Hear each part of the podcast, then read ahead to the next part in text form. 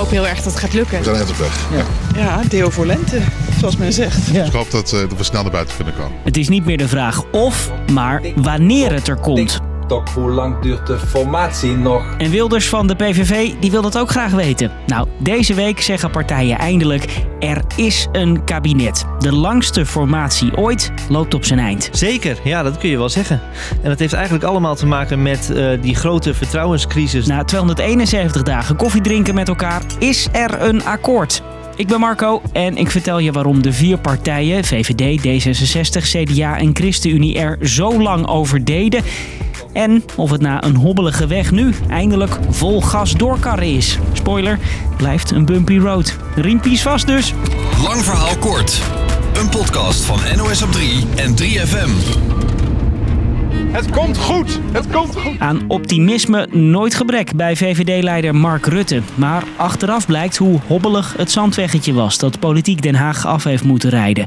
Er is heel veel gebeurd sinds de verkiezingen in maart. In het kort de drie grootste redenen waarom het zo lang duurde. Pieter Omtzigt, functie elders. Functie elders, zo van... hup. Pieter Omtzigt, functie elders. Deze zin heeft Den Haag heel lang bezig gehouden. Rutte zou tijdens besprekingen met verkenners hebben gepraat over een andere baan voor het kritische CDA-kamerlid Pieter Omtzigt. Stond op een papiertje onder de arm van een van die verkenners. Hij ontkende. Heeft u überhaupt over de heer Omtzigt gepraat in die gesprekken? Nee. Maar uit notulen bleek van wel. Dus waren D66 en CDA, gedoodverfde nieuwe coalitiepartijen, niet te spreken. Wat een blamage. Mijn vertrouwen in de heer Rutte heeft vandaag een forse deuk opgelopen. De Tweede Kamer stemde Rutte niet weg met een motie van wantrouwen, maar er kwam wel een meerderheid voor een motie van afkeuring.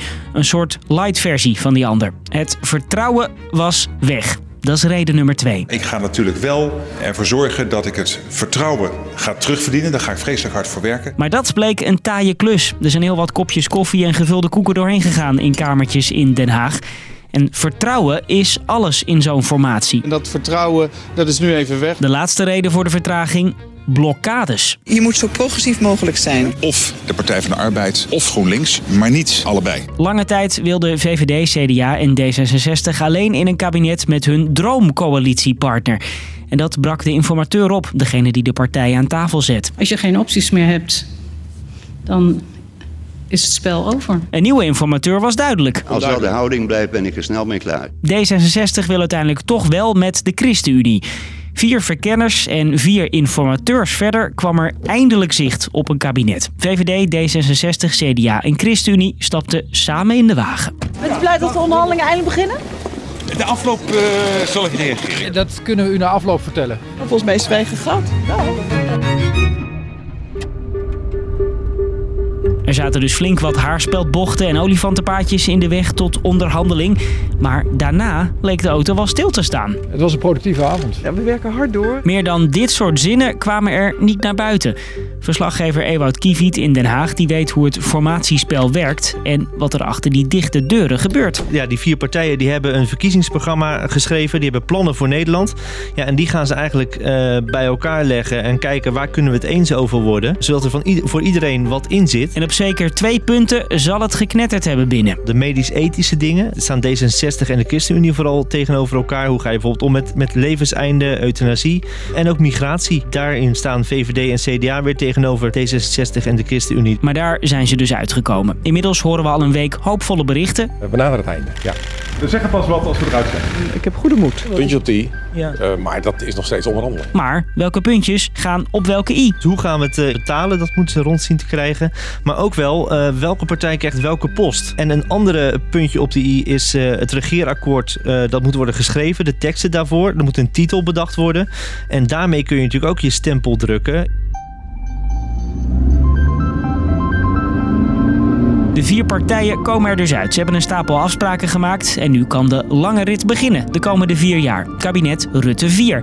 Klaar met die hobbelwegen, invoegen op de snelweg, zou je zeggen. Maar, handjes aan het stuur, het wordt een lastige kabinetsperiode. Er komen bijvoorbeeld heel veel parlementaire enquêtes aan over dingen die misschien niet goed zijn gegaan de afgelopen jaren. De aardgaswinning in Groningen, de toeslagenaffaire en de aanpak van corona. En daarnaast zijn er ook heel veel moeilijke onderwerpen die het vorige kabinet vooruitgeschoven heeft. Zoals de aanpak van de stikstof, klimaat en woningcrisis. Uitgelekt is al wel dat ze daar miljarden voor vrijmaken.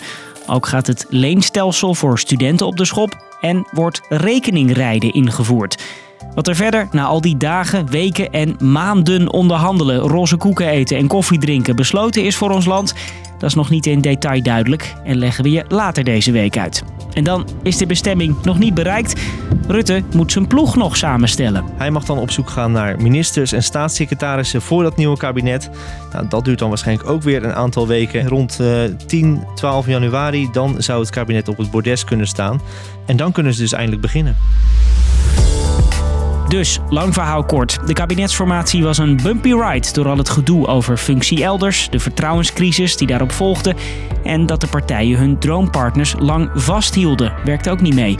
En maar aan de onderhandelingstafel hoorden we weinig meer. En nu is het afwachten wat de vier partijen hebben besloten. Zo, wij maken een pitstopje. Even bijkomen van deze pittige route. Morgen mag je weer met ons meeliften. Doei!